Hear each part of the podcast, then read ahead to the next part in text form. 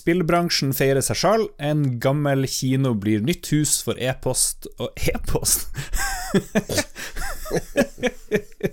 Det er bra blooper. Den norske spillbransjen feirer seg sjøl. En gammel kino blir nytt hus for e-sport og gaming, og de som spiller, blir stadig eldre. Noe av det her er kanskje nytt, noe annet er ganske selvfølgelig. Velkommen til Spillrevyen med Lars og Lorentzen. Mitt navn er Lars Rikard Olsen, og med meg så har jeg hvem? Jon Cato Lorentzen, selvfølgelig. Velkommen. Takk, Lars. Takk. Ja, Du har kost deg på NM i gameplay, du har kost deg på Spillprisen, og det må vi snakke om i en podkast dedikert til spill og et kritisk blikk på spillnyheter. Jo, det må, kan vi gjerne gjøre. Jeg har 12 timer, 14 timer siden jeg kom hjem fra Spillprisen, så det er ferskt i minnet. Bra. Draugen fra Red Thread Games ble kåra til årets spill da spillprisen ble delt ut i Oslo på lørdag. Vi snakka med komponist og lyddesigner Simon Poole, som sa det her til Lolbua om å vinne prisen for både beste lyd og beste spill. Oh, it feels great, absolutely fantastic. I mean, you know, we we worked our hearts out on this game, and it's nice to see see some awards for it. It's fantastic. But for the music of Dragon, we wanted to have quite a sort of um, intimate, fragile sound. So we used uh, quite small ensembles. So we had a string trio and a vocal quartet and piano. So it was really quite a minimal but very emotional sound, and that that was to kind of reflect the the sort of emotional story that the main character is on and the stark location of the game.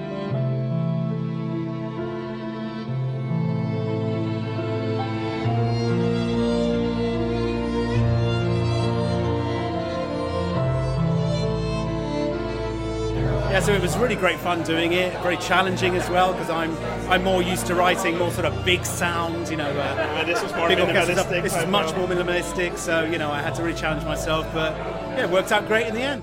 Det var Philip Maurizio Fløgstad som var ute og snakka på spillprisen, og dere skal få høre mer til han litt senere. Hvis dere vil ha masse fra spillprisen, så kan dere høre på Lolbua, som kommer på onsdag. Til sammen ble syv priser delt ut. Red Thread Games og Mosaic tok to hver. Krillbite fikk pris for beste spill på liten skjerm og beste visuelle uttrykk. John Cato, hvordan var det på spillprisen, og hvordan var det å vinne masse priser? Det er jo kjempegøy å vinne pris. Eh, og så var det jo veldig nervepirrende i år, fordi det, var vel spesielt eh, tre spill som skilte seg ut med ganske høy polish, nemlig Moons of Madness fra Rock Pocket og Draugen fra Red Thread og Mosaikk, som alle eh, stilte egentlig ganske likt i, i mange av de kategoriene. Ja, ok. Har du de andre vinnerne? Ja, eh, best moro for alle ble, ble jo Skate City. Beste spilldesign ble Degrees of Separation. Og beste teknologi ble Moons of Madness eh, fra, fra da nevnte Rock Pocket. Hvilken kategori er best moro for alle? Det jeg har, hørt, har aldri hørt noe lignende, som, bortsett fra, fra spillprisen, tror jeg. Ja, da må du lese deg opp på spill. De, de prisene på spillprisen er eh, så å si identisk med prisene som deles ut på Nordic Game Conference i mai hvert år, der de kårer de beste spillene fra Norden hvert år. Så for å gjøre det litt enklere, så gjorde vi det sånn på spillprisen. Altså, jeg har jo vært i arrangørkomiteen her eh, et par år. At de norske prisene er identiske med de nordiske. Fordi da kan vi bare sende over alle de nominerte i Norge direkte til Sverige, uten at vi trenger å gjøre en ny prosess med påmelding og, og sende ut info til alle utviklere og sånn. Heter det 'Mest glede for alle'? Dette best, best fun for all heter det i den nordiske utdelinga. Det, det høres kanskje enda rarere ut. Det gjør det. Eh, samme dag som spillprisen ble delt ut, så var det også NM i gameplay, hvor Yu He stakk av med 100 000 kroner. Jeg, jeg så faktisk uh, You sitt, eh, som vel het uh, Jazzworm, eller noe sånt. Uh, var et uh, er jo veldig kul. Han har jo vært med for spillprisen tror jeg seks gang. Han nekter å jobbe med andre, han lager alt sjøl. jeg vet at det er flere utviklere i Norge som har snakka med han for å ansette han, men han er ikke så, han er ikke så hypp på det. Så han sitter for seg sjøl og, og lager spill, og har vært i finalen, tror jeg, et par ganger. Altså blant de tre finalistene, så det er første gang han vant. Philip snakka også med Yu, og da sa han det her om å lage spill alene og det å vinne prisen. Du har nettopp vunnet 100 000 kroner. Hvor mye av de skal brukes på kveld, festen i kveld? Antakeligvis ikke så veldig mye, for jeg, jeg, altså jeg er ikke sånn som drikker eller uh, noe sånt uansett, så Hva skal du bruke det til? Hva, hva ser du for deg? Det er jo plutselig det er jo sekssifra. Jeg har ikke peiling. Uh, Hadde du ikke tenkt noe på det på forhånd? Hva har... skjedde hvis jeg vant? Fordi... Nei, for det er så usannsynlig. men du har jo vært med så mange år, og du har hatt flere andreplasser. Det stemmer, det. Men uh, jeg har aldri tenkt at jeg skulle vinne, for det er alltid høyt nivå da, på, på de deltakerne som er med. Og jeg er jo bare én person ofte. De andre stiller jo ofte med lag med liksom, store lag. da. Ja, det, det, er definitivt verdt å nevne. Av alle de, eller de fleste som var med, og de andre som var nominerte, så var det ja, spillselskaper ja. og grupper av mennesker som hadde gått sammen for å lage ting, mens du jobber alene. Du jobber sjøl. For meg så er det bare moro å, å spille det andre laga, se på ideene og, bare være med. da. Jeg syns det er mest gøy. Jeg har forventa aldri å vinne. Uh, så du trenger ikke nødvendigvis de pengene? Nei, det kommer jo godt med, da. Hør mer fra spillpris og NM i gameplay og festen der i ukens Lolboa som kommer onsdag. Gamle Eldorado kino i Oslo skal bygges om til et nytt senter for gaming og e-sport. Huset skal åpne i løpet av sommeren 2020. I en pressemelding står det at senteret vil bli unikt i også i europeisk sammenheng, med en dedikert e-sportarena, eget streamingstudio for e-sport og et stort antall gaming, VR-stasjoner og gamingtilbud for publikum. Ok, det er Eldorado e-sport og Entertainment Oslo AS. Jeg drev og sjekka det her selskapet, hvem enn som eier det, og det i um, styret så sitter i hvert fall han Steinar, han som har starta Telenor-ligaen, og gamer.no så jeg, blant annet. Så det, det var ikke klar over. Både gamer.no og Level Up eh, er involvert i, i, det her. Og han, eh, han, heter vel Helge Nilsen, han som er eh, mm. mannen bak. Jeg, var i et møte og fikk en befaring fra Helge rett før jul. Fordi han driver nå og undersøker hvordan dette huset kan liksom inneholde mest mulig både spill, spillkultur, streaming, e-sport, uh, events osv. Så, videre. så uh, mm. jeg fikk, fikk, et innblikk i hvordan det kommer til å bli der. Uh, det blir jo Det er mange muligheter der, da. Ja det ser jo veldig stort ut. Det er jo en svær kino. Jeg vet ikke hvor mange saler og rom de har der, men uh... er, Nå er det jo sånn at dette blir i andre etasjen på Eldorado. Altså de som Det er sikkert mange som aldri har vært på Eldorado kino, men jeg og Lars vi har jo mange gode filmminner derifra, blant annet Under Siege med Steven Seagal, husker jeg at vi så på Eldorado kino i sin tid. Eh, men dette blir andre etasje, så første etasje er jo fortsatt en bokhandel. Eh, altså kan du gå opp en lang sånn rund trapp, og da skal du komme til en stor kafé, så vidt jeg har skjønt. Eh, og innafor der så vil det være masse spillrom og gamingrom, og litt sånn som karaokerom. Så kan du, du kan leie et rom eh, hvis du er noen venner ute og har lyst til å spille et par timer, så kan man leie et rom.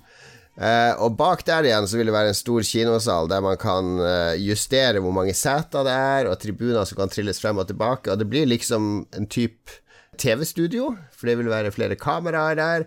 Det vil være et streamingstudio. Det vil være et fullt profesjonelt opplegg for å filme og streame og lage uh, ulike ting der. Vi snakker jo ofte om at uh, spillnyheter er ganske boring og kjedelig, men det her er jo helt vilt. Et, et gigantisk senter for gaming og e-sport. Ja, jeg har jo arrangert spillevents uh, i Oslo i mange, mange år, og, og vi bruker jo utstedet ball til Commodore 64-showet jeg lager med vår venn Christian Chessem. Vi har quiz på Tilt, vi har hatt podkastfestivaler på Tilt osv. Ja. Det, og det fungerer egentlig veldig bra, det òg, men det å kunne ha et eget sted som liksom er dedikert til det, og satt av til det, det blir veldig spennende å se om det funker. Og det har jo vært prøvd sånn før i Oslo. Du har jo House of Nerds, for eksempel, som har vært der et par år. Eh, det åpner et sted som heter Rådhusplassen nå, som blir et sånn eh, eventsted mer med sånn fysiske spill, shufflebord og pingpongbord og alt mulig sånn, men det er inn med, med litt sånn eventbaserte utesteder nå. Ja. Antall voksne som er 50 år eller eldre som spiller dataspill regelmessig, vokser. Fra 2016 til 2019 så økte andelen fra 38 til 44 skriver Games Industry Biz, og de viser til en undersøkelse fra en amerikansk organisasjon som heter AARP, som ivaretar eldres interesse. Men det er nå fra USA, og det viser at uh, den spillende befolkninga blir eldre. Og det er vel ikke noen sånn kjempeoverraskelse, kanskje, Jon Cato? Nei, at folk uh, blir ett år eldre for hvert år som går. Ja, det er jo egentlig det det betyr, den nyheten. Det, det, er jo egentlig det det står. uh, og det er jo ikke noe sjokk. Uh, ringvirkningen av denne nyheten er vel mer det at massemedia, som vi har vel klaga på før, kanskje burde få øynene opp for hva virkeligheten er, og så slutte å fronte gaming alltid som noe som foregår på gutterommet til ja. tenåringsgutta. Eh, det stemmer ikke overens med virkeligheten i det hele tatt. Videre så sier Games Industry Biz at uh, eh, 73% av gamlingene som spiller, gjør det på mobile devices, mens 47% bruker PC eller laptop. Uh, bare 13% av de over 50 spiller på konsoll. Mest populære sjangeren var puzzle og logic, og det de spiller minst, virker å være actionspill og skytespill. Ikke så overraskende, men eh, morsomt. Morsomt at det gjøres undersøkelser på det. Ja, og så er det morsomt. Altså, det er jo ingen, eller veldig få av disse gamle som anser seg sjøl som gamere, eller at de spiller dataspill. For dem er det vel mer sidestilt med å legge kabal eller løse kryssord. Altså det er en type hjerneaktivitet, fritidsaktivitet. Mandarin er det mest brukte språket på spilldistribusjonsplattformen Steam, i alle fall hvis vi skal tro på Steam-eier Valve sin egen undersøkelse blant sine brukere i desember i fjor. Resultatet viser at det for første gang er flere som svarer at de snakker mandarin enn noe annet språk. Akkurat nå leder mandarin med 39,7% mot engelsk som bare har 30,4% av brukerne. Må vi understreke at det her er folk som har valgt å svare på undersøkelsen, ja. så det er jo ikke en vi, Norstat hadde kanskje ikke godtatt tallgrunnlaget, men interessant er det jo uansett at mm. Steam er såpass stor i Kina og, og særlig fordi Steam eh, ikke er tilgjengelig i Kina. ja, vi er jo blitt en sånn Kina-podkast. Dette er i hvert fall tredje av tre av fire episoder så snakker vi om Kina og gaming. Men eh, jeg tenker at det er et tegn på ting, sånn, sånn trender som kommer. Eh. Kina er, uh, blir bare mer og mer viktig innen spillindustrien, akkurat som det har satt spor i filmindustrien og andre industrier. Det kinesiske markedet er megastort. Og Steam er ikke offi Altså offisielt så selges kun dataspill digitalt via offisielle salgsportaler i Kina, som der Tencent har den største, som heter WeGame. Mm. Og, og da, alle spillene som selges der, er jo godkjent av kinesiske myndigheter, mens Steam kommer da inn via Hongkong. Så kinesere har tilgang til Steam-plattformen. Eh, litt som bakdør, men alle vet åssen de skal få tilgang til Steam. Eh, kan, da kan de kjøpe alle spill som, som er tilgjengelig på Steam. da Så hvis eh, Hongkong mister sin uavhengighet det er jo en reell fare. Så vil det bety ja. mye for friheten til kinesiske gamere? Er det sånn det Ja, så er det vel også Altså, Kina kan stenge tilgangen til Steam når de ønsker, men uh, så vidt jeg har skjønt det. Men de har valgt å ikke gjøre det inntil videre, uh, av en eller annen grunn. Så det er vel sånn at selv uh, Gabe Newell lister seg litt rundt på tærne når det gjelder Kina, fordi det er blitt som de tallene her viser, så har det jo blitt et superviktig marked for Steam òg. Royal Mail, postvesenet i Storbritannia, har bestemt at tolv nye frimerker skal prydes av illustrasjoner henta fra dataspillenes verden. Spillene som hedres på frimerkene, er Tomb Raider, Dizzie, Elite Populous, Lemmings, Micro Machines, Sensible Soccer, Wipeout og Worms. Og jeg blir bare kjempeglad når jeg hører de navnene, for her er det tydelig at her er noen gamlinger som liker klassiske britiske spill, og så har de Eh, putta inn at Lemmings er der, en sånn um, gammel, eh, sliten Amiga-klassiker som ikke så mange kjenner til i dag hvis de er unge. Det, at det kommer på de her frimerkene, det gjør meg veldig glad. Det gjør det.